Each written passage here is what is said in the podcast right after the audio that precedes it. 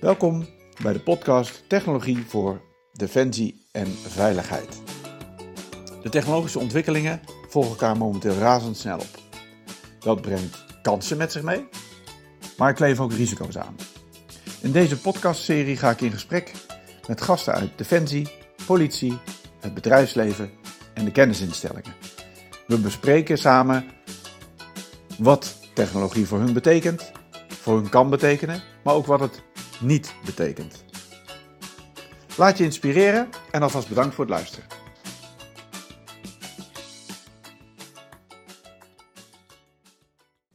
Heren, welkom bij de volgende podcastopname van uh, Technologie voor Defensie en Veiligheid. Twee heren aan tafel vandaag. Uh, zoals gebruikelijk beginnen we even met een korte introductie.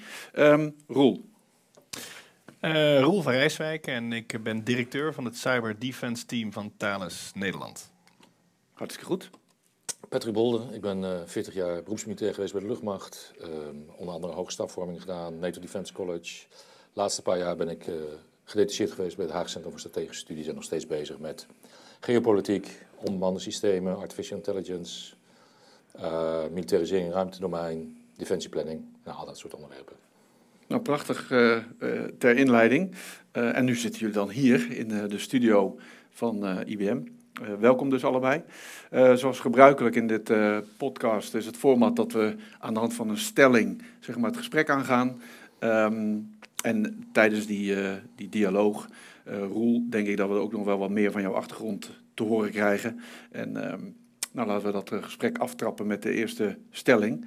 En die luidt: Omdat informatie steeds meer als beïnvloedingsinstrument wordt ingezet, is de digitale infrastructuur een kritieke factor die bescherming vereist.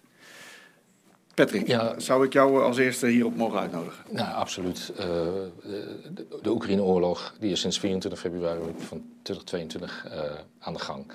En het begon eigenlijk al meteen met beïnvloeding. Uh, via het informatiedomein, uh, de dag voordat de, informatie, dat de invasie plaatsvond, zeiden de minister van Buitenlandse Zaken en uh, de president van Rusland, Lavrov en Poetin, allebei al van nee, er zal niks gebeuren en we zijn alleen maar met een oefening bezig. En ondertussen zagen we al maandenlang een enorme troepenopbouw in Belarus en, en in Rusland van, van meer dan 200.000 mensen, of ongeveer 200.000 mensen. Um, de inval vond plaats en meteen zag je dat president Zelensky van Oekraïne ook weer via het informatiedomein eigenlijk heel goed allerlei boodschappen bracht. En waardoor hij ook eigenlijk meteen de steun kreeg van, en van zijn eigen bevolking en van zijn militairen, maar ook van het Westen. En dat is echt cruciaal gebleken om, om de strijd ook vol te houden. En, en ook dat is een van de redenen dat het niet de campagne werd die Poetin had voorzien in drie dagen. Um, en je zag dat na de aanvankelijke aanvallen op um, de luchtverdedigingscapaciteit van de Oekraïners met, met raketten door Rusland. Maar ook op de commandovoering. En, dan heb je dus weer dat stukje uh, informatiedomein. Als je de informatiedomein kunt weghalen, ja, dan heb je al een stuk gewonnen. dat is allemaal niet goed gelukt. En al heel snel, en dat was een grote fout van de Russen naar mijn mening, gingen die um, zich bemoeien met het gevecht op de grond. In plaats van die strategische doelen werd het meer een tactisch ingezet. En daarmee verloren ze eigenlijk ook al de strijd na die eerste drie dagen. Um, maar dan zie je hoe belangrijk dat informatiedomein, dat wordt eigenlijk meteen getarget. En als je het goed doet, dan maak je daar grote klappen mee. En je ziet dat Zelensky via dat informatiedomein eigenlijk continu de hele wereld heeft bespeeld. Met allerlei bezoeken van mensen die hij kreeg, maar ook virtueel ging hij op bezoek bij andere regeringsleiders. En dat heeft hem zoveel goedwil gebracht dat hij enorm veel wapens naar binnen gekruid heeft gekregen. En waarmee de strijd echt in zijn voordeel uh, is gekeerd. Hij heeft nog niet gewonnen. Uh, maar het momentum is bij de Russen in ieder geval weggenomen. Je zou kunnen zeggen, het momentum is niet bij Oekraïne. En zeker net op 10 november, het is nu 11 november als wij dit opnemen. Um, zijn de Russen zelfs uit de provincie Gerson weggetrokken. Tenminste het noordelijk deel, ten noorden van de Dnipro. En zo zie je dat die informatie en, en het beïnvloeding via het informatiedomein heel belangrijk is. En, en, net zo belangrijk, minstens zo belangrijk of belangrijker, het ligt er net aan wie je spreekt natuurlijk, dan het kinetisch gevecht. In ieder geval zie je wel dat in de toekomst zullen we alleen maar spreken over multidomeinoperaties. En dan hebben we het niet alleen over de klassieke domeinen zee, land en lucht, maar ook over het informatiedomein heel nadrukkelijk en ook het cyberdomein. Space. Uh, en space, sorry, ja, informatie- en cyberdomein pak ik meestal samen. En, en het ruimtedomein. Want we zagen ook dat voorafgaand aan de, de inval um, Uh, Viasat werd gest uh, gestoord door Rusland. Kort na de inval gaf uh, Elon Musk van zijn Starlink-capaciteit aan voor niks aan Oekraïne. En dat was voor de Oekraïners hard nodig, want hun reguliere communicatie lag eruit. En via Starlink hebben ze een militaire operatie kunnen uitvoeren en hebben ze nog steeds, is nog steeds cruciaal voor ze. Um, uh, niet Viasat, maar uh, dat andere bedrijf heeft natuurlijk satellietbeelden geleverd waarbij wij die grote file zagen ten noordwesten van Kiev. Mm. Um, en zo zie je dat informatie zo enorm belangrijk is. En die informatie gaat allemaal via het cyber. Um, en informatiedominantie spreken we dan vaak over. Als jij de meeste informatie bezit en je tegenstander meer informatie bezit, helpt dat ook in jouw besluitvorming. Nou, en die informatie die komt van alle domeinen, alle uh, militaire domeinen. En zal ook door alle militaire domeinen weer gebruikt worden. En in die multidomeinoperatie ja, is informatie eigenlijk um, de sleutel waarom heen zich alles afspeelt, volgens mij. Wat een interessante daarin is de opmerking, hè, wat de, de Russen bij aanvang hebben gedaan, is die, uh, die satelliet. Uh, nou ja, Maxa was het gestoord. van de satellietbeelden. Ja. Uh, die die ja. satelliet dan niet, maar die van die andere die je noemde en wel, Viasat, ja, Wel, wel gestoord. Um, en dan heb je het eigenlijk over de sensoren in zijn algemeenheid die laten we zeggen, bijdragen aan, aan uh, informatiepositie verkrijgen. Nou, dat was communicatie. Uh, Ze hebben echt die communicatie verstoord. Dus, ja. en, en, en, en daarvan zou je, als je de stelling bekijkt, zeggen van ja, dat is kritieke infrastructuur. Ja. Hoe bescherm je die tegen dat soort uh, zaken? Roel, hoe, hoe kijk jij daarnaar? Nou, dan niet alleen maar digitale infrastructuur, maar je kunt ook stellen dat defensie in het vijfde domein is een publiek-private samenwerking. Mm -hmm. Dat maakt het ook ingewikkeld. Hè? Dus um, dus je ziet ook uh, uh, in, het, in, het, in dat informatiedomein of het cyberdomein dat uh, kritische infrastructuur, digitale infrastructuur kan het natuurlijk ook zijn, dat is ook kritisch. Ja. En die zijn vaak in eigendom en beheer van private partijen. Ja. Dus primair de verantwoordelijkheid voor de defensie daarvan, de verdediging daarvan, dat zit bij die, primair bij die bedrijven. Uh, dus ik zeg altijd maar, als de Russen jouw fabriek komen bombarderen, dan stijgen er hopelijk twee F-16's op. Um, of meer. F-35 tegenwoordig. F-35 tegenwoordig, sorry, ik zit nog een beetje... En uh, uh, ja, als, als de Russen bedenken om jouw uh, fabriek een cyberaanval te plegen, dan is in eerste instantie ligt die defensie daar. Daar komt nog eens bij dat je ook heel erg afhankelijk bent van allerlei technologiepartijen. Je zag met uh, de, de SolarLinks aanval uh, dat het uh, FireEye was die het heeft gedetecteerd. Ja. En Microsoft die de mogelijkheden hadden een infrastructuur om een counterattack te doen. Elon Musk ging er zich mee ja, bemoeien. Ja, dus, dus je ziet in dat vijfde domein voor defensie, ik denk dat dat een van de ook een van de nieuwe dingen is in dat domein, is dat dat uh, nogal wat samenwerking vereist tussen uh, defensie, overheid, maar ook uh, civiele partijen. Ja, sowieso, hè. Al, die, al die bedrijven die we net noemden, die in het ruimtedomein aanwezig zijn, die leveren wel diensten die voor de militaire operatie heel belangrijk zijn. En in hoeverre brengt dat die civiele bedrijven dus ook in gevaar? En, en hoe is dan die verdeling inderdaad? Wie verzorgt dan die veiligheid daarvan? Wie is daar Natuurlijk ben je primair zelf verantwoordelijk om je spullen veilig te houden. Dat is ook de afspraak die je hebt gemaakt met de afnemer van je diensten via service level agreements.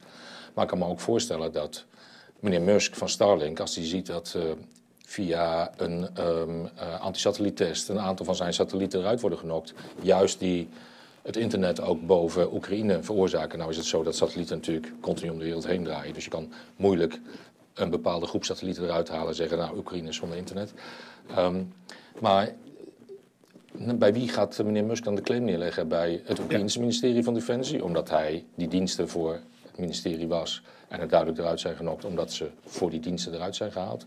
Of bij de Amerikanen, omdat die het Amerikaanse assets zijn. Of is het zelfs, en naar mijn mening valt het eigenlijk ook onder artikel 5, want het zijn Amerikaanse middelen. Die zijn door de Amerikaanse overheid, daar zijn ze geregistreerd. En die zijn in het kader van een oorlog eruit gehaald door Rusland. Dus dat is best wel risicovol, want nu de kinetische oorlog vindt nog plaats tussen Rusland en Oekraïne. Maar het is eigenlijk een oorlog die veel breder gaat natuurlijk. En er is maar dit nodig. En dat zou het uh, eruit halen van een Amerikaans satelliet zijn. En Starlink is natuurlijk Amerikaans. En we zijn als NAVO in een oorlog. Dus ja, daar zitten wel heel veel risico's aan. Ook voor een civiel bedrijf, wat voor defensie whoever van, de, van welke nationaliteit, maar diensten levert. En maakt zich daar ook mee kwetsbaar volgens mij. Zou je kunnen stellen dat Ja, door of, deze... of, of wat je ook nu beweert, en dat, is ook, dat bedoel ik met eh, sowieso eh, de beheerders van kritische infrastructuur in die, in die gebieden. Eh, dan zit je ook in de frontlinie. Ja. Ehm, ja. Zou je kunnen zeggen dat, dat als je eh, dus de samenwerking zoals je die voorstelt, hè, en zoals die ook moet gaan, kennelijk om slagvaardig te kunnen optreden tegen dit soort nieuwe eh, domeinbedreigingen. eh, dat je dus eigenlijk moet zeggen van oké, we gaan als Defensie inderdaad partneren. Eh, er wordt bij Nederland ook wel gesproken over Holo Force con- concept of ja, adaptiviteitsmacht, eh, alles wat daarmee te maken heeft. Dat je dan eigenlijk met die partnerbedrijven gaat behoren tot je kritieke infrastructuur.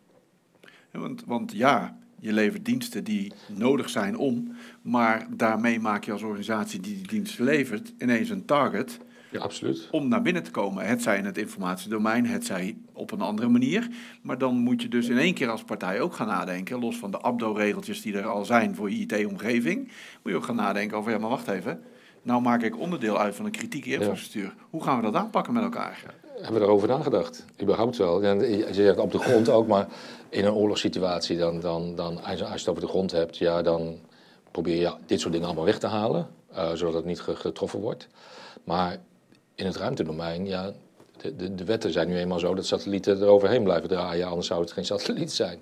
Dus, dus da- daar moeten we wel over nadenken. Wie, wie is aansprakelijk, wie is verantwoordelijk, eh, wie betaalt eh, schade, wie, wie repareert, eh, hoe snel weer eh, dat het gerepareerd wordt, zijn er afspraken over als het kritisch is. En, en steeds meer, omdat het juist multidomein is, ehm, zijn, heb je ook steeds meer, omdat de oorlog gaat over steeds meer domeinen waar steeds meer middelen zitten, heb je ook steeds meer lonende doelen natuurlijk voor je tegenstander.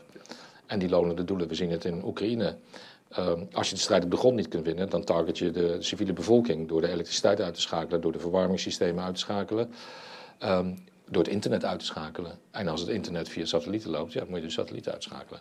Nou, zo, zo zie je dat het aantal doelen wordt vergroot en het aantal doelen wordt steeds minder militair, maar steeds meer civiel. Ja. Zeker omdat die civiel-militaire samenwerking steeds Ja. nadrukkelijker wordt en moet worden Ja. om de militairen effectief te houden, om die cyberdiensten te leveren. Ja. Ja, dus ik denk voor weerbaarheid van Nederland in dit geval. Ja. we daarover. eh, het daar eh, teruggaan. dus, eh, of Europa of Nederland. Dus maar net. maar van, bijvoorbeeld vanuit Nederland. Dat het weerbaar maken van Nederland van cyberaanvallen van statelijke actoren, laat ik het dan maar zo noemen. Ja, dat betekent dat, dat overheid, bedrijfsleven en beheerders van, van kritische infrastructuur moeten gaan samenwerken. Dat betekent drie dingen. Dus informatie delen.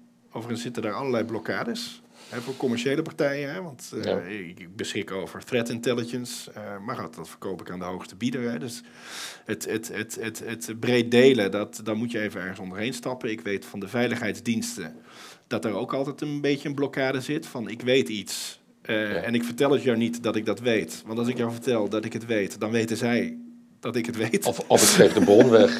Ja. Om- om- eh, want Die zijn van nature de- die de neiging om dingen geheim te houden. Heel begrijpelijk. Eh, maar goed, om, om even daar, iedereen moet dan even over zijn eigen schaduw heen stappen. En zorgen dat wij in Nederland volop threat intelligence delen met elkaar. Indicators of compromises, dat we informatie delen. Twee, eh, je moet zorgen voor bepaalde mate van soevereiniteit. Dat is in Nederland heel ingewikkeld. Eh, omdat wij niet zo groot zijn en eh, zeer internationaal. Maar je kunt bijvoorbeeld zeggen van ik wil, maak gebruik van cloudvoorzieningen van een hyperscaler, hè, Microsoft, Google of, of Azure. Maar ik zorg dat de sovereignty controls of de security maatregelen, dat, ik, dat die eh, Nederlands zijn. Dat kan. Hè, dus bijvoorbeeld de encryptie. Dus je dus zorg voor een bepaalde mate van soevereiniteit in dat domein. En drie, eh, en daar ben ik een heilige, je dat, een, een vervent voorstander van, is, nou je weet, ja, in vredestijd, eh, ja, kijk, in, in, als het oorlog is, is het te laat om erachter te komen dat je domme generaals, verkeerde wapens en ongemotiveerde soldaten hebt. Dus in vredestijd moet je oefenen. Dus ik pleit heel erg voor nationale redteam oefeningen. Hè, dus dat wij in gezamenlijkheid en Ja. eh, eh, zo'n scenario, bijvoorbeeld we worden aangevallen een sterke actor, die, dat we dat oefenen met elkaar. Alleen zijn we nooit zo goed in scenario's, eh, scenario denken. Want we hebben onze strategische ehm, kennis is, is ben ik bang niet zo groot. We, we, we hebben natuurlijk, uh, liever zijn we wat uh, vredelievend. We zijn van oud zijn natuurlijk een socialistisch, pacifistisch land. We geven zo lief zo min mogelijk geld uit aan defensie. Nou, uh, dat is wel een beetje veranderd inmiddels. de huidige geopolitieke ja. omgeving ja. heeft dat gelukkig doen keren. Ja. En, maar we hebben dus ook een hele grote inhaalslag te maken. En het mooie daarvan wel is is dat je dat op een goede manier kunt inrichten dan. Ja. En uh, ja, ik hoop ook echt dat dat gebeurt. En, en volgens mij wordt dat ook wel gezien. Dat je dat, ja, defensie is te klein uh, en, de, en de kennis is zo specialistisch die je nodig hebt. Ja, dat zou je niet eens zelf moeten willen hebben. Maar je moet er goede afspraken over maken. Ja. Nee, je bent totaal afhankelijk van elkaar. En ik denk ook, uh, voor mij is, is, is zo'n zo'n oefening is de enige manier ook om die mm. vragen te beantwoorden. Mm. Ja, maar wie doet nu wat? En, en wat, wat, hè, wat, wat, wat is de, de rol van Defensie? Wat moeten de bedrijven vooral zelf doen? Uh, hoe gaan we samenwerken? Hoe reageren we op zo'n crisissituatie? Nou, als je dat de eerste keer doet, dan zul je ongetwijfeld erachter komen. Jemig, we zijn uh, totaal niet voorbereid. Maar ja, daar leer je dan van. Nou, daar is precies voor bedoeld, ja. en dan blijf je oefenen. En dan krijg je vanzelf ja. antwoorden op die vragen. Van hoe werken we samen? Hoe, hoe uh, gaan we met dit soort bedreigingen om? Ik denk dat dat heel erg noodzakelijk is. Interessante vraag, denk ik ook, om, die ik zeker zal op schrijven uh, om eens te stellen richting uh, de defensieorganisatie, in dit geval uh, Defensie Cybercommando of aan de andere kant het Defensie Security Team, zeg maar. Um, hoe ze daarmee omgaan, want ik weet, denk ik bijna zeker, dat er inderdaad op, dat, op die manier wel geoefend wordt. Maar laten we daar eens experts uit die hoek een keer aan het woord laten. Ga ik zeker doen. Um, wat ik nog even tot slot interessant zou vinden om op deze stelling zeg maar, nog uh, terug te komen, is als je dan inderdaad vaststelt dat die entiteiten om Defensie heen, die samen met Defensie zeg maar, gaan zorgen voor, laten we zeggen, beveiligen van en, en inzetten van bepaalde delen als beveiliging of als wapen, um, dan zijn die entiteiten die eromheen bewegen dus doel en daarmee kwetsbaar. Mhm, Wat mhm. merk je daarvan in jouw praktijkrol? Als je zegt, hè, ik ben eh, cyberdirecteur bij Thales.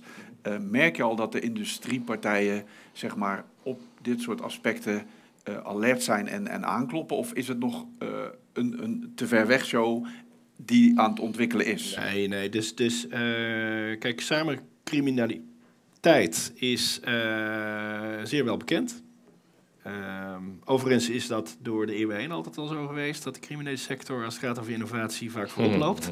Niet gehinderd door enige wet en regelgeving of ethische of morele bezwaren. Uh, uh, dus, dus, uh, maar dat, dat sinds Stuxnet die statelijke actoren, je kunt ze zo opnoemen. Hè? Dus dat is natuurlijk aan de, aan, de, aan, de, aan de vriendenkant Amerika, Israël, maar Noord-Korea, Rusland, China. Nou, die voeren, voeren toch best wel een agressief en dat is ook voor Nederlands bedrijfsleven hartstikke relevant. Uh, je kunt er voorbeelden noemen van uh, Chinese spionage, van uh, Russische manipulatie, van Noord-Koreaanse diefstal, want nu gaat het vaak over harde currency. Veel van de ransomware aanvallen ja, waarvan wij denken dat, hey, dat er zitten criminelen achter. Er zijn ook vaak statelijke actoren. Ja, we kennen natuurlijk het Internet Research Agency in Sint-Petersburg. Dat is puur een statelijke actor, alleen het is een beetje op afstand gezet. Ja. Uh, en die bewustzijn is er wel degelijk. Wij hebben veel klanten met kritische productiesystemen en kritische mhm. infrastructuur in Nederland. En dat staat zeker op de radar. En, uh, en daar is ook bewijs van dat die pogingen er zijn. En dat statelijke actoren gewoon actief zijn. En dat je doelwit bent. En, uh, dus ik denk ook dat er een soort koude cyberoorlog al re reeds gaande is. Ja, maar volgens mij is het net ook, las ik vanochtend in de krant, uh, de Europese Unie heeft nu ook, of de Europese Commissie heeft nu voorstel gedaan dat je moet altijd rapporteren als je als bedrijf onderwerp bent van een cyberaanval. Ja. En uh, Bart Groothuis, VVD-Europarlementariër, die is natuurlijk ook, komt bij de diensten vandaan, was ook cyberspecialist. En ik denk die wel echt heel goed doorheeft wat de risico's zijn die we daar lopen. Um, voor onze veiligheid, defensie, maar ook zeg maar, voor ons civiele leven. Ziekenhuizen zijn ook natuurlijk al heel vaak aangevallen. Ja. En dan gaat het echt over leven en dood als de systemen daaruit vallen. Dan, uh, dat is een, uh, een harte kreet van mijn kant. Dus uh, waar jij refereert ook is de NIS 2. Dus NIS is de, de, de directive vanuit de Europese Unie. Ja. Uh, die iets zegt over de security maatregelen die je acht te nemen als uh, beheerder van kritische infrastructuur. NIS 2, de scope wordt uitgebreid. Dus dat was op het begin vrij beperkt. Gewoon telco's, banken uh, en utilities. Maar nu is het ook bijvoorbeeld voedselvoorziening. Hè. Dus mm -hmm. de, de, de, de, dit gaat heel veel bedrijven gaat het relevant ja. worden. Ehm, en nou kun je dat op twee manieren inzetten. Dat kun je inzetten heel streng, van dit zijn regels en eh, we gaan je controleren. En als je er niet aan houdt, krijg je heel hoge boetes en uh, foei. Uh, ik denk dat dat het delen van dat soort informatie over kwetsbaarheden, over een aanval die mij overkomen is. En wat had ik niet voor elkaar? Wat kunnen we hiervan leren? Ja, Dan moet je die regelgeving op een andere manier inzetten. Niet als een boze politieman en ik, ik geef je op je flikker. Nee, uh, wij, wij, wij moeten die samenwerking bevorderen. Wij moeten dus ook uh, een omgeving creëren waarin je dus uh, dan ook eerlijk kunt rapporteren over van wat er aan jouw kant mis is. Is er wel genoeg awareness overal? Um, bij een heleboel burgers is er totaal geen awareness, denk ik, over de risico's die we lopen als we onze cyberverdediging niet goed hebben.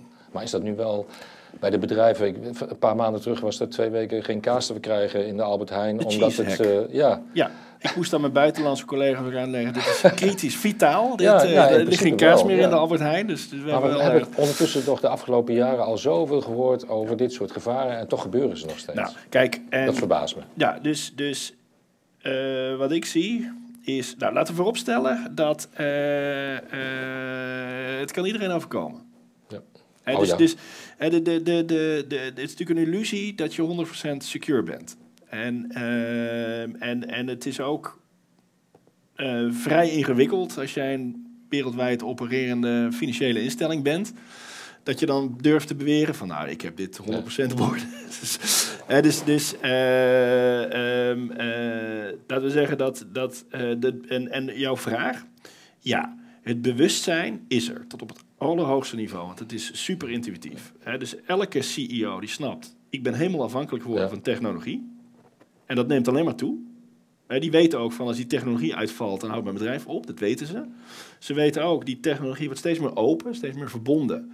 Dus de, ik word steeds kwetsbaarder. En die lezen ook de krant. Ja. Uh, dus die zijn zich er zeer wel van bewust. Um, dan zijn we uh, terug bij het dilemma van de vorige ja, stelling. Ja, ja. ja. ja, ja. ja zeker. Op die hartekreet uh, inhakend. Hè, dus dus laten we vooral samenwerken, hoor ik je zeggen. Ja.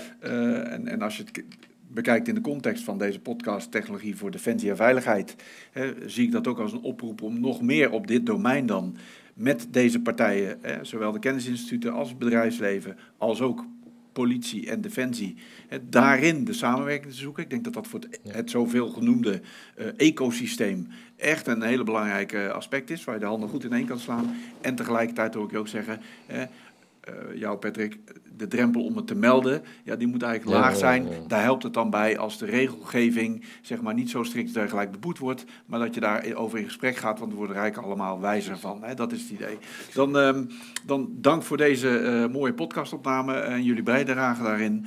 Uh, goede reis terug en um, voor, de, voor de luisteraar nog veel plezier van de volgende podcasts.